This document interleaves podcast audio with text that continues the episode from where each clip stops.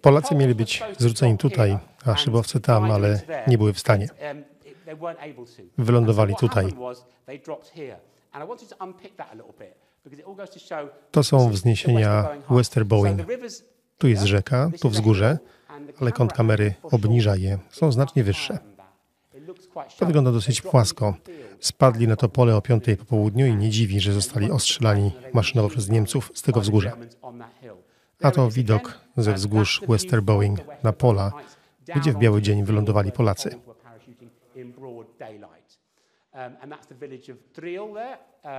A to wioska Driel. Podczas obchodów rocznicy Arnhem Driel jest centrum polskim, ponieważ właśnie tam wylądowali Polacy. Tysiąc Polaków wyskoczyło, 500 zostało z tyłu i musieli przekroczyć Ren.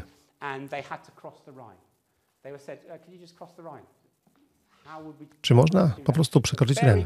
Jak to zrobić? Miał tam być prom, ale jego właściciel przeciął linę, bo myślał, że użyją jej Niemcy. Musieli więc przeprawić się małymi gumowymi łódkami. Małe gumowe łódki. Brytyjczycy są obecnie bardzo zdenerwowani gumowymi łodziami. Mówi się o nich w wiadomościach. To jest SS, a to kapitan Zwolański. Opowiem wam o nim, bo wiecie czego dokonał? Był oficerem łącznikowym Erkarta, polskim oficerem łącznikowym. W filmie O jeden most daleko Ren przepłynął ten oto człowiek. Stoi i mówi do dowódcy londyńskim slangiem, zwanym Cockney.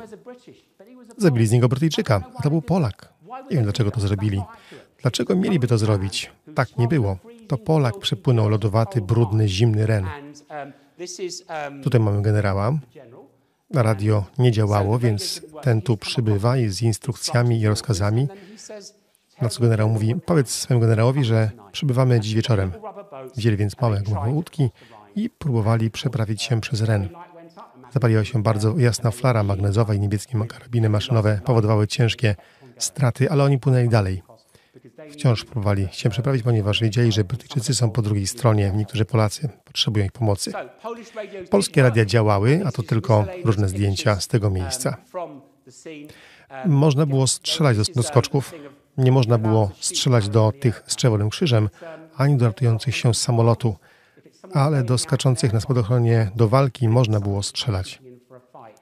Polska artyleria i różne zdjęcia Polaków z tamtego miejsca, ich okopów. Niewiele mogę o nich opowiedzieć.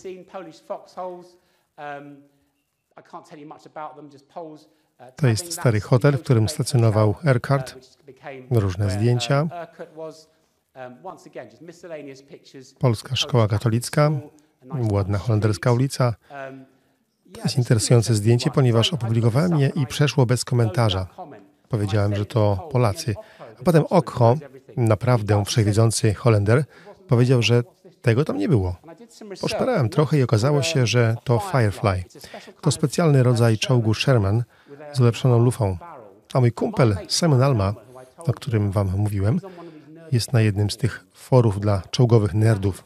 Są takie fora skupiające ludzi robiących małe modele czołgów. Niech im Bóg błogosławi. I faktycznie znalazł inne zdjęcie tego czołgu. To on powiedział. Pomyślałem, czy to nie wspaniałe? Wrzucasz pytanie do internetowego ula i masz. Tutaj polski jeep do góry kołami, więc wszystko idzie nie tak. I musieli popracować nad tym, co będzie dalej. To jest generał. A potem była konferencja w Walbergu i nigdy nie było tak obłudnej taktyki wojskowej jak tam.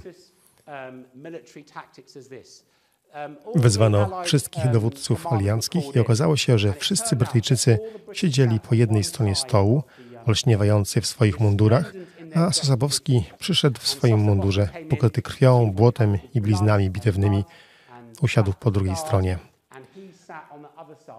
W pewnym momencie zabroniono mu skorzystania z tłumacza i myślę, że to było celowe. Dyrda powiedział później, że był w tym trochę podobny do Władimira Putina. Wybaczcie mi to porównanie. Władimir Putin mówi doskonale po angielsku, ale udaje, że nie rozumie, aby dać sobie czas na pomyślenie. Myślę, że mój pradziadek robił podobnie, że jego angielski był lepszy niż myślano dokoła. Dyrda powiedział, że jego płynność w języku angielskim była proporcjonalna do poziomu złości. Im bardziej się złościł, tym lepiej mówi po angielsku.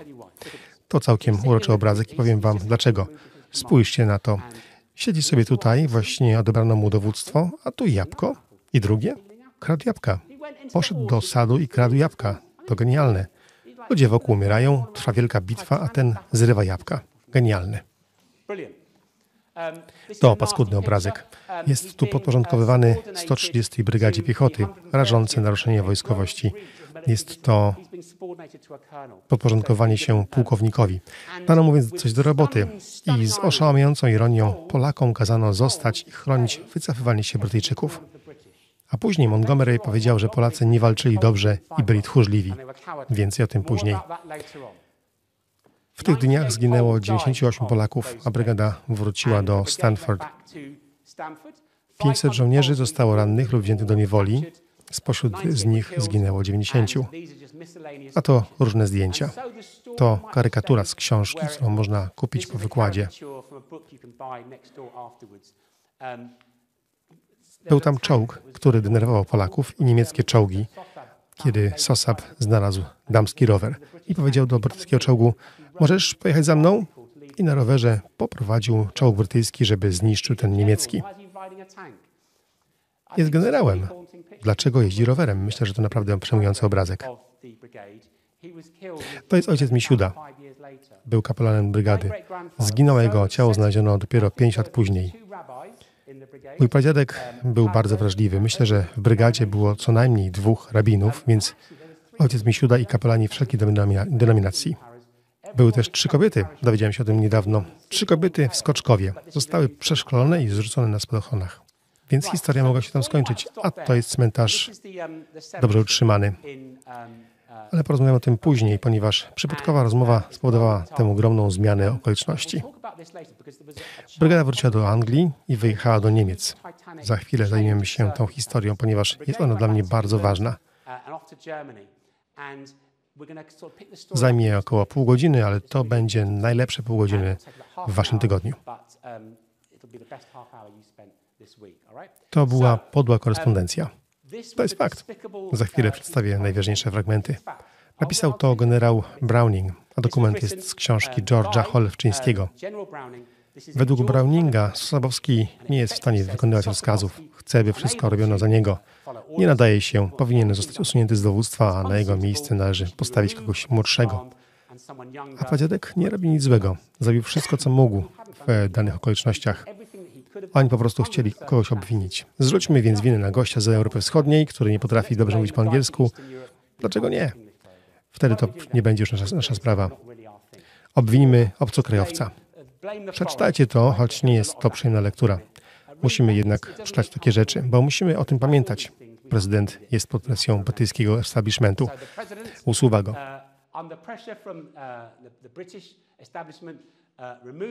Powiedziano mu, że jest teraz inspektorem do spraw odzysku i utylizacji. Był śmieciarzem. Więc powiedział: Nie, nie będę tego robił.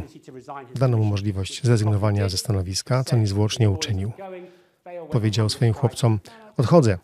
Wszyscy rozpoczęli strajk głodowy, a on na to: Nie róbcie tego, po prostu zjedzmy razem kolację nie zamierzam całować sztandaru, co jest tradycją odchodzącego oficera, ponieważ zawsze będę z wami.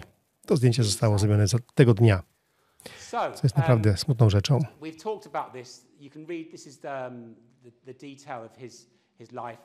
Można o tym przeczytać w szczegółach jego życia. Chcę przejść do tego, co stało się z nim później i porozmawiać o tym, dlaczego ta historia jeszcze się nie skończyła. To tylko ogólne zdjęcia. Musiał przejść do cywilnego życia. Nie mógł wrócić do Polski, zostałby stracony. To jeszcze inne różne jego zdjęcia. Musiał zostać cywilem, ale nie zapominajmy, że był żołnierzem od 16 roku życia, więc to nie jest prosta sprawa. Cywilne życie mu nie odpowiadało. Kochał góry, jego koń i założył dwa biznesy w Acton, o których zwykle opowiada nam Joanna. Ale był żołnierzem, nie biznesmenem. Nie wyszło. I tak odszedł, rok młodszy niż ja teraz, z 300 funtami. W tamtych czasach 300 funtów to było więcej niż teraz, ale to nic za całe życie pracy. I dwa upadłe biznesy. Został magazynierem w fabryce w Acton. Kiedy byłem na spacerze z Joanną, oglądaliśmy ją. Wciąż tam jest. To fabryka, którą teraz przekształcili w część Lucas czy Mini. Był magazynierem. Niektórzy z jego żołnierzy wchodzili tam, a wiedzieli, kim on jest, bo niektórzy z jego żołnierzy tam pracowali. Wchodzili do sklepu, stawali na baczność, salutowali mu i mówili, czy mogę dostać to pudełko śrubek? Podobnie, kiedy przejeżdżał obok wózkiem widłowym. Tak jak generał Maczek, który był barmanem w Edynburgu. Ludzie wchodzili do baru, zamawiali kuwel piwa, a potem zdając sobie sprawę, kim jest, od razu mu salutowali. Ktoś musi być barmanem, ktoś musi być magazynierem, ale nie jestem pewien, czy to powinien być dwugwiazdkowy generał. Nikt nie dał mu emerytury. Zaczął pisać, a oto niektóre z jego książek. Przeszedł na emeryturę w wieku 75 lat i zmarł wkrótce potem, w 1968 roku, kiedy miałem dwa lata. Był uparty do końca, bo nie musiał wtedy umierać. Po prostu nie dbał o swoje serce, nie brał swojego lekarstwa na nie. I tak zapłacił za swój upór. Cmentarz wojskowy na Powązkach. Powązki, a nie Połaski. Oto wspomniana fabryka, to jego dom na St. George's Road w Acton. I muszę powiedzieć, że choć był niezamożny, to jego dom pewnie jest teraz wart ze 2 miliony funtów. Poczta umieściła ładną niebieską tablicę, ponieważ tam mieszkał. Na tygodniu był Staśkiem magazynierem, a w weekendy generałem Sosabowskim, który wygłaszał wykłady dla polskich klubów. Wracał do Arnhem i po prostu żył tak jak chciał. Chciał być z Polakami. Nie lubił być w Anglii, bez urazy, ale nie chciał tam być. Chciał wrócić do Polski, tylko że nie mógł. Trzymał się więc z Polakami. W Acton i Chiswick była duża polska społeczność. Widać, że trochę schudł. Lubił się napić. To chyba przewodniczący ZPS przed panem Hermanem. Ktoś zwrócił mi na to uwagę. Uwielbiał się napić i kochał wojskowe życie. To dość niezwykłe zdjęcie. Dariusz mi je przysłał. To on ze swoimi chłopcami. To jest klip wideo i nie zobaczymy go, ponieważ nie jesteśmy do przygotowani, ale pod koniec klipu wideo jest ten człowiek i zamierzam przenieść nasz punkt koncentracji, aby o nim porozmawiać, ponieważ jest to syn generała, Stasinek. I nikt tak naprawdę o nim nie mówi, oprócz mnie oczywiście. A to dlatego, że był on zbyt skromny. Mówił o osiągnięciach ojca, nigdy o swoich, a był w każdym calu bohaterem, jakim był jego ojciec. Tyle, że w inny sposób.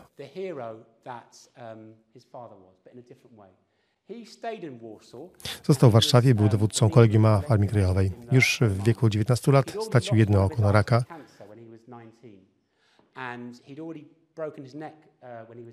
A w wieku 16 lat złamał kark, skarżąc do rzeki.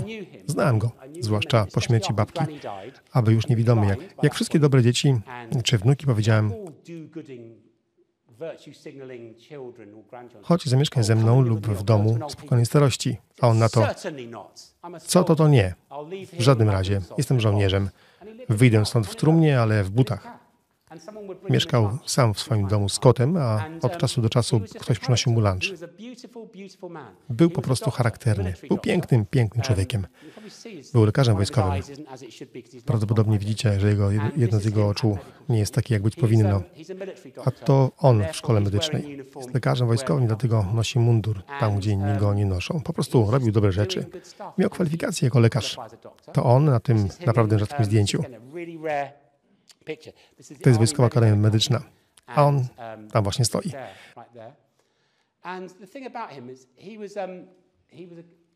Bycie w Armii Krajowej to nie był spacer. Konwencja genewska się nie liczyła. Jeśli cię zapali, to zabijali i tyle. Um, Akowcy musieli umniejszać niemieckie zasoby, w tym ludzi, a tam, gdzie było to konieczne, musieli odbierać życie. Warszawska Wola Wojna w ogóle jest brudna, ale w tym przypadku była to szczególnie brudna wojna.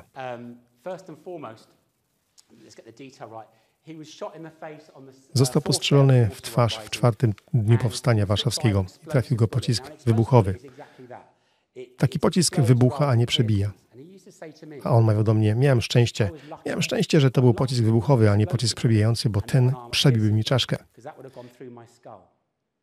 Kto u licha powiedziałby, że mam szczęście, bo dostałem w twarz tym pociskiem, a nie tamtym? Powiem wam kto. Doktor major Sosabowski. Więcej o tym później. Żołnierze brygady Dirlewanger zaczęli rozstrzeliwać pacjentów w szpitalu, a moja babcia Krystyna poszła do szpitala, zabrała go, przeprowadziła przez kanały. Tak to wtedy bywało. Żołnierze AK poruszali się po Warszawie kanałami. To jest Oskar Dirlewanger. Wstrętny, wstrętny człowiek. Brygada Dirlewangera to był pułk karny dla skazanych za zbrodnie wojenne, których wysłano do tego oddziału, bo spodziewano się, że długo nie pożyją. Dirlewanger został rozpoznany w więzieniu przez jednego więźnia żydowskiego i pobity na śmierć. Nie jestem fanem egzekucji pozasądowych, ale w tym przypadku zrobię wyjątek. Armia Krajowa. 35 tysięcy żołnierzy poprosiła o udział brygady w Powstaniu Warszawskim, ale nie otrzymała żadnej odpowiedzi. To kotwica. Różnie mi mówią, dlaczego to P i W. Najpierw pomścimy Wawer.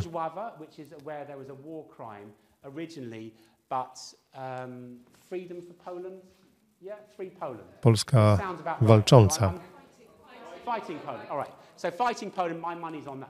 Na to bym stawiał. Zauważyliście może mój krawat? To krawat mojego pradziadka. Dał mi go. Zapytał, co chcesz dostać, kiedy umrę? Słucham? Co chciałbyś dostać po mojej śmierci? Twój krawat. I dał mi go. Jestem pewien, że byłby zachwycony, gdybym o nim mówił. I mam na sobie jego krawat. To całkiem interesujące zdjęcie. Bez trzeci zauważam, że to mundury SS. Chodzili i okradali SS. Chodzili na śmietnisko SS, rabowali mundury i zakładali je, ale nosili na nich polską flagę, żeby nie zostali ostrzelani w tak zwanym przyjaznym ogniu. Szukałem go, to chyba nie on. Myślę, że to naprawdę zabawne, że noszą niemieckie zasoby, a ktoś pokolorował te zdjęcia Armii Krajowej. Przykuwają uwagę. Ten facet na przykład został zabity wkrótce po zrobieniu tego zdjęcia. Ci dwaj, Naprawa i Rawa, spójrzcie na to, jak są ubrani. Wiecie co? Byłem bliski od pójścia do krawca i powiedzenia, widzisz to zdjęcie, możesz mi zrobić takie buty i spodnie? Tylko spójrzcie. Genialni dandysi, ale wykonywali to, co im kazano, prawda? Zamierzają zabić faceta. Najpierw idą do księdza i mówią księdzu, bo to kraj katolicki, musimy wykonać egzekucję tej osoby z tego powodu. A ksiądz to podpisuje. Musieli to zrobić, ponieważ była to rzecz, w której wiara i wojna, dwie konieczności, musiały się pokrywać. To jest piękne zdjęcie. Uwielbiam tego faceta. Został ekonomistą. Był naprawdę sławnym profesorem ekonomii, a w powstaniu robił to, co musiał robić, używając niemieckiej broni. Niemiecki hełm. Zabawne, Chilijska armia nosi takie hełmy. To bardzo skuteczna konstrukcja chroniąca szyję, ale oglądanie chilijskiej armii na paradzie jest trochę denerwujące, bo wygląda to jak wiec w Norymberdze. To jest okropne zdjęcie. Ten człowiek przychodził przez kanały, pojawił się w niewłaściwym miejscu, gdzie był niemiecki oddział i tego dnia zostanie stracony. Wyraz jego twarzy mówi wszystko. Nie jest to ładny obrazek, ale naszym obowiązkiem jest spojrzeć na te rzeczy i rozważyć je. To właśnie stało się z Warszawą. Jeśli chcecie o tym poczytać, to jest całkiem niezła książka Diabelne Szczęście czy Palec Boży Stanisława Likiernika. Ale również ta, w której jest wiele historii o moim dziadku. To jest jedna z niewielu książek o powstaniu, które o nim wspominają. Te lektury polecam. Znałem go, jednocześnie nie znałem. Zmarł 18 lat temu. Kiedy byłem młody, odwiedzałem go i wykonywałem dla niego pewne prace. To on i jego ojciec. Widzicie jego twarz, tam gdzie trafiła go kula?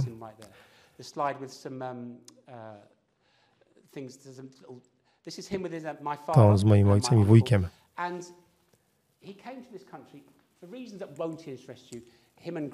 Przyjechał do tego kraju po rozstaniu z babcią, a chłopiec został z nim. Był lekarzem, ale zdobył uprawnienia fizjoterapeuty. Pracował w szpitalu Hillingdon, więc wysyłał chłopców do szkoły, a potem wsiadał w autobus i do szpitala i tak po prostu pracował.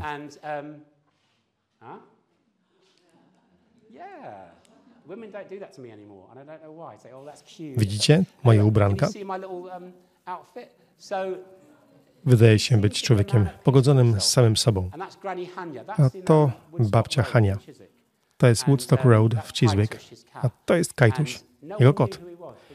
Nikt wokół nie wiedział, kim on jest. Był po prostu lekarzem stanem, a nie bohaterem wojennym.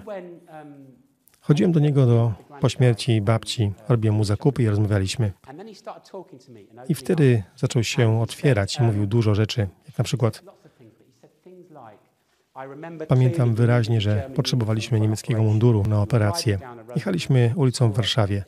Zobaczyliśmy młodego poborowego, porwaliśmy go, a ja go zabiłem. Wciąż o tym myślę. I to sprawia, że myślę, że nie chodzi o, tylko o dług, jaki mam teraz wobec ludzi służb mundurowych, że narażają się na niebezpieczeństwo, ale od momentu, kiedy odbierają życie lub muszą z tym żyć do końca swojego. Był miłym człowiekiem. Uprawiał łucznictwo. Tak, był niewidomy i strzelał z łuku. To jest w St. Dunstan's. I można sobie wyobrazić, że wszyscy tam mówią, cholera, łucznicy nadchodzą. Szybko, schowaj samochód, że wokół latały strzały, ale był dobry, pokonałby mnie. To jego ogród, miał tam taką małą tarczę i używał tego zestawu do ustawienia wysokości łuku i nasłuchiwał dźwięku, jaki strzała wydawała, gdy trafiała w cel. Im głębszy dźwięk, tym była bliżej celu. Tak zdobywał punkty. To niewidomi łucznicy w pałacu Buckingham. Widzicie go tam? A to jest moje najbardziej ulubione zdjęcie.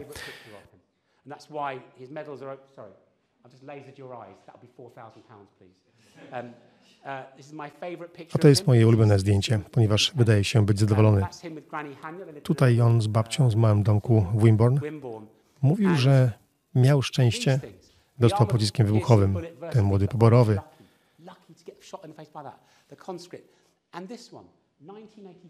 W 1984 George Orwell napisał, że wojna robi z nas wszystkich potwory. Z niego potwora nie zrobiła. Zwykł przekazywać pieniądze lokalnym organizacjom charytatywnym pod ścisłym warunkiem, że będą one anonimowe. Po prostu chciał się odwdzięczyć. W dniu, w którym zmarła moja babcia, poszedłem do jego domu, a on rozmawiał przez telefon. Zapytałem, z kim rozmawiasz? On powiedział, a to była agencja emerytalna. Chciałem tylko się upewnić, że emerytura babci zostanie dziś wstrzymana. Nie chcę otrzymywać czegoś, do czego nie jestem uprawniony. Chciał oddać więcej niż otrzymywał. Był dziwnie optymistycznie nastawiony do sposobu, w jaki potraktowano jego ojca. Powiedział, ten kraj dał mi pracę i miejsce do życia. Jestem szczęśliwy, że tu jestem. Potrafił patrzeć z różnych perspektyw. Był taki zabawny. Robiłem mu zakupy w niedzielę i mówiłem, no dobrze, tu są puszki zupy, a tu puszki z karmą dla kotów. Nie pomyl ich, nie mieszaj. Pewnego dnia mówi do mnie, wydaje mi się, że zjadłem dzisiaj kocią karmę na lunch. Poważnie? Jaki miał smak? Powiedział, bardzo dobry. Zaśmiałem się, ale pomyślałem, że on mówił poważnie. Przecież oni jedli szczury w kanałach. Więc oczywiście jesz to, co masz. Taki był. Żałuję, że nie spędziłem z nim więcej czasu. Popełniłem wielki błąd. Widzieliśmy, że umrze. Mama powiedziała, że to kwestia tygodnia. Pomyślałem, że pójdę, wygłoszę wykład o dziewiątej, a potem mm, pójdę się z nim zobaczyć. I to był mój błąd, bo wiecie, co się stało? Zanim tam dotarłem, zmarł. Więc kiedy moi uczniowie mówią, babcia umiera, czy mamy podchodzić do egzaminu? Nie. Zrób to innym razem. Nigdy nie odzyskasz tego czasu. Idź i zobacz się z nią, póki jeszcze możesz. Zmarł w roku 2000 i zabraliśmy go, jego prochy do Polski. Odprawiono mu państwowy pogrzeb. Jak się można spodziewać, pogrzeb wojskowy. Przyszli tam starzy weterani. I oto on leży na publicznym cmentarzu. Żałuję, że nie poświęciłem mu więcej czasu. To są jego odznaczenia. Okazuje się, że mój ojciec boi się mnie bardziej niż ja jego, bo miał te odznaczenia w pojemniku po lodach. Powiedziałem, żeby mi je dał i po wykładzie zapraszam do ich obejrzenia, ponieważ przywieźliśmy je aż z mojego domu w Reigate. Chcę, żebyście je zobaczyli, bo on byłby zachwycony, że patrzyliśmy na jego odznaczenia. I to by było na tyle. Pamiętajmy o nim. Zbliżamy się do końca naszego wykładu. Więc potrzebuję jeszcze 10 minut czasu, a potem trochę pytań i odpowiedzi i w końcu uderzę do baru. Oto kilka cytatów z Sosabowskiego. Niemcy? A co z Niemcami? Powiedział. Jeśli uważamy, że most ma tak ogromne znaczenie dla Niemców, nie sądzicie, że oni też to wiedzą? To nie imbecyle. To taktycy i też wiedzą. No i to. Pierwszy rok po Arnhem. Pojechał tam na obchody rocznicy bitwy. Nie miał polskiego paszportu, ani brytyjskiego, bo Brytyjczycy nie chcieli mu go dać. Więc holenderski oficer zapytał, Mogę zobaczyć pański paszport? Nie mam. Ten na to, cóż, w takim razie nie może pan wjechać. A na to, nie prosiliście mój pieprzony w paszport, kiedy przyjechałem tu ostatnim razem, prawda? Bardzo mi się to podobało. Myślę, że to oddaje Sosabowskiego, takiego jakim był. Jerry Kemp, niewinnie mówiący, tak, strefa rzutu jest 8 mil od celu. A potem Gene Hackman podchodzi do niego, patrzy na jego rękaw i mówi, Sprawdzam tylko, po czyjej jest pan stronie. Myślałem, że może to powiedział, a może nie, ale tak właśnie by powiedział. I podoba mi się to, że kiedy patrzy na Denholma z pogardą, Elliot mówi, mgła porusza się. Oczywiście, że się porusza. Więc to jest to, co Browning powiedział o trudnym do pracy, niezdolnym do przystosowania się, niezdolnym do oceny wagi zadań. Kłamstwa, kłamstwa i jeszcze raz kłamstwa. Robił to, co powinien. Wykonałem trochę pracy detektywistycznej. Profesor Hall na tropie. To list napisany w 1945 roku przed 5 października. Ten jest od Montgomery'ego. Mam rozkaz dać polskim oficerom medale.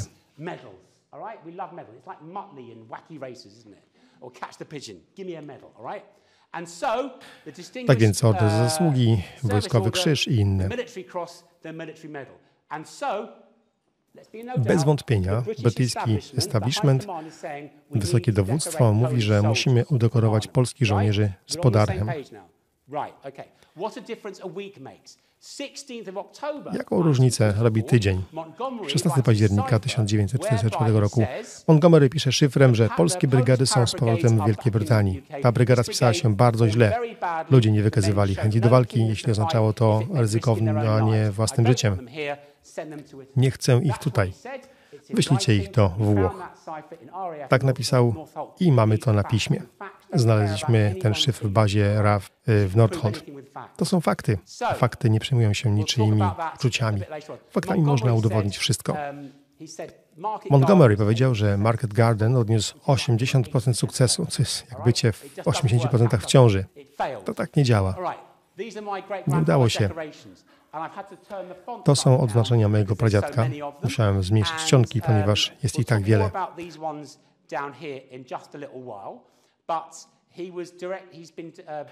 Był odznaczany przez Holendrów i Polaków, ale nie przez Brytyjczyków. To jest ulica Sosabowskiego w Drgiel. Dlaczego nie? Szósta Brygada Powietrzno-Desantowa.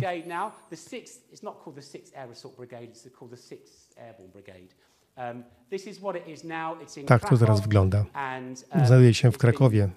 Słabo to widać, ale jest to szósta Brygada Powietrzno-Desantowa imienia generała Sosabowskiego. A tutaj młody Sosab obok starego Sosaba.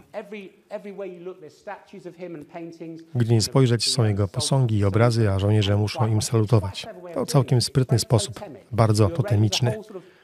A tu sala pamięci. To żołnierze z brygady odzwierciedlają kulturę, którą próbował zaszczepić mój pradziadek. To jest jego pogrzeb na cmentarzu. I to jedna z tych rzeczy, które zauważyłem i o których pomyślałem dopiero później, jak on się tam dostał. Jest rok 1967.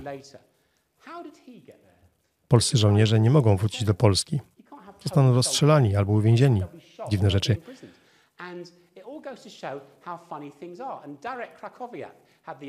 Darek Krakowiak ma odpowiedzi. Powiedział, po pierwsze, twój pradziadek mógł wrócić, bo nie żyje, martwi nie mówią. Może więc być polskim bohaterem i nie przyniesie wstydu państwu. A ten człowiek, Rozłubirski,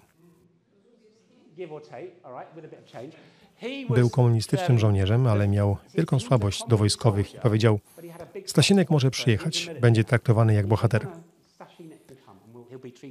Więc powiedzieli, że jest bohaterem. Teraz Polacy mówią: Wiesz, wróciliśmy tam, gdzie powinniśmy być.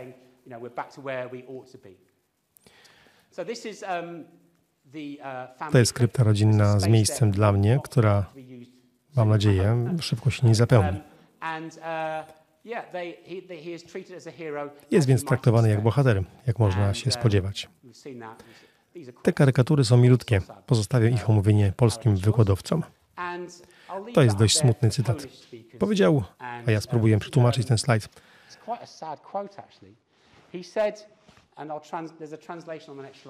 Powiedział, twarde i ugorne było całe moje życie. Nie żałuję tego, co przeszedł i gdyby mi kazano to przeżywać jeszcze raz, nie zawahałbym się. Nie zapominajmy, że jest to staroszek bez środków do życia, którego odnaleziono z godności. A jednak powiedział, wiesz co, zrobię to jeszcze raz. Nie żałuję tego. Gdyby mi kazano zrobić to jeszcze raz, nie zawahałbym się. To srebrna moneta, dziesięciosłowa i znaczki. Mam kilka nich, z nich w domu. Jego mundury są w Muzeum Wojska Polskiego, także wszyscy mogą je oglądać. Byłem podekscytowany, ponieważ to jest jego prawdziwa gapa. Przejdźmy do rozlicznego fragmentu, ponieważ to wszystko jest dość smutne. Oto to się stało. Pewien Holender, który po prostu kocha Polaków, poszedł do Muzeum Sikorskiego i powiedział: Chcę zobaczyć wszystkie dokumenty i zarchiwizuję je dla Was. I zaczął je czytać. Co więcej, ten facet, Arno Baltusen, siostrzeniec Kory Baltusen, która pomaga rannym Polakom, co roku organizował zjazd weteranów. I tak się wciąż dzieje. Czy to nie piękne?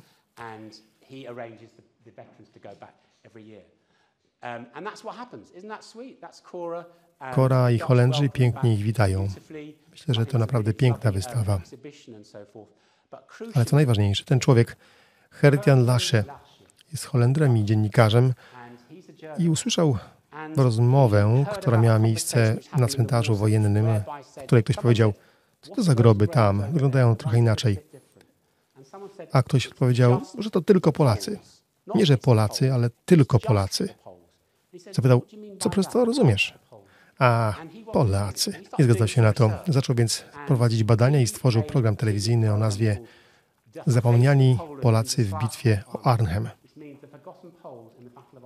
Książę Reinhardt usłyszał o tym i powiedział, że to nie w porządku. Holendrzy byli naciskani, aby zminimalizować wpływ Polaków na wojnę. Polakom nie pozwolono maszerować w paradzie z okazji Dnia Zwycięstwa.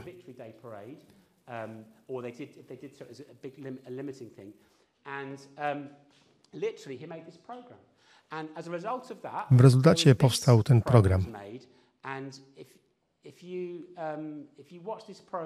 Jeśli go obejrzysz bez łez w oczach, to nie masz duszy. Od razu Wam to powiem, ponieważ jest w nim kilka naprawdę denerwujących rzeczy i jest tam polski pogląd na temat generała. I ten człowiek, który niedawno zmarł, Alfons Maćkowiak. Naprawdę denerwuje mnie to, że czuł potrzebę nazywania siebie Alanem Mac. Wielu Polaków zmieniało nazwisko, bo czuli się dyskryminowani. Jaki to był przystojny chłopak. Wystąpił w tym filmie i mam kilka zrzutów ekranu, na których płaczę. O rany. Powiedział, że to największa hańba w historii polskiej armii. I to jest naprawdę, naprawdę denerwujące. Mówi on, jak oni śmieli zrobić to naszemu wspaniałemu generałowi Sosabowskiemu. Bardzo go lubiłem.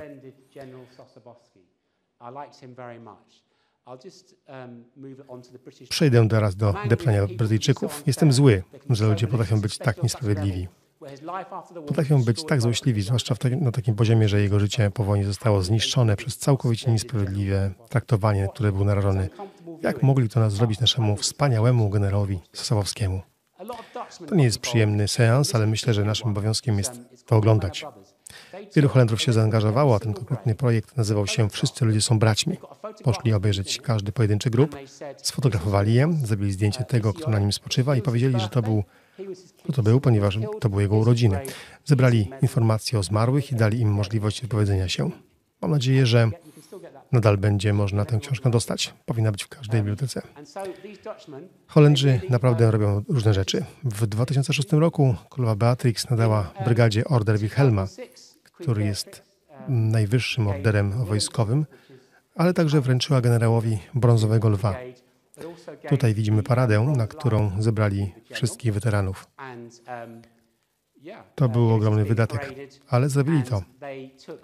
Powiedzieli tylko, że powinniśmy byli zrobić więcej. To mój ojciec i wujek, wybierający brązowego lwa od królowej. Holendrzy powiedzieli, że nie zrobili wystarczająco dużo. To Driel. Odsłoniłem ten pomnik kilka lat temu i chcę powiedzieć o pułkowniku Tonym Hibercie, który jest Brytyjczykiem i wiekowym już człowiekiem. Starzy ludzie powinni grać w golfa albo opiekować się swoimi żonkilami, a on był zmartwiony. Był pułkownikiem. Powiedział, że to, co zrobiliśmy, było podłe. Znęcaliśmy się nad facetem, który nie mógł się bronić. I jest mi wstyd. Wstydzę się być żołnierzem, wstydzę się być Brytyjczykiem i, i umarł zanim cokolwiek się wydarzyło, ponieważ nikt nigdy, przenigdy nie wycofał się z tych komentarzy, które wygłosił Montgomery. Wiecie co? Nie obchodzą mnie te medale. Nie obchodzą mnie maszerujący ludzie. Chcę tylko, żeby ktoś napisał do kogoś z brytyjskiego establishmentu i powiedział, że chcemy wycofania tej notki, że Polacy dobrze nie walczą. Cóż, walczyli. 98 z nich zginęło. Zabili co mogli. I podoba mi się to, że żyjemy jako wolni ludzie dzięki temu, co ci faceci tam robią. W Szkocji można dostać małą lotkę na ten temat. Mają tam trasę generała Sosabowskiego, co jest bardzo miłe. Łączy ona miejsca związane z Sosabowskim. To całkiem interesująca lektura. To wydarzyło się kilka lat temu. Zostałem wezwany do Warszawy na zamek, a prezydent Duda wręczył generałowi na moje ręce order Orła Białego.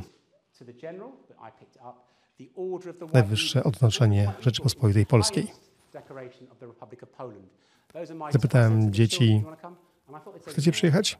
Nie chciały, więc to jest Finley, to Oliver, to kuzyn Jeremy, a to ona tam na dole mówi do mnie. Tatusiu, zrobię wykład, kiedy będziesz martwy i będziesz leżał zimny na płycie w kostnicy. To moja praktykantka w prowadzeniu wykładów. To jest ten order. Przez 4 lata był w moim domu, ale porozmawiałem z dziećmi. Krótko mówiąc,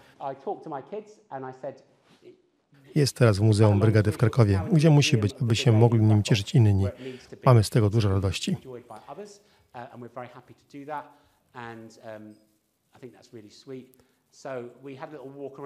Na spacerze po Warszawie Sosab w średnim wieku ze starym Sosabem, a to młode Sosaby. Spójrzcie na niego. On tego nie czuje. Wygląda na nieustoszonego. A to jest najmłodsze z Sosabów. Jesteśmy przyjaciółmi, prawda? No więc porozmawiamy o tym. Wiesz, jak to jest, kiedy masz dziecko i myślisz, że prawdopodobnie jest twoje. No tak, 95% z pewności, może 90%. W każdym razie mała Tamara. Nie miałem wątpliwości, ale nigdy nic nie wiadomo. A potem pomyślałem, że nie mam jednak żadnych pytań do jej matki, bo widzę te sosabowskie marszczenie czoła.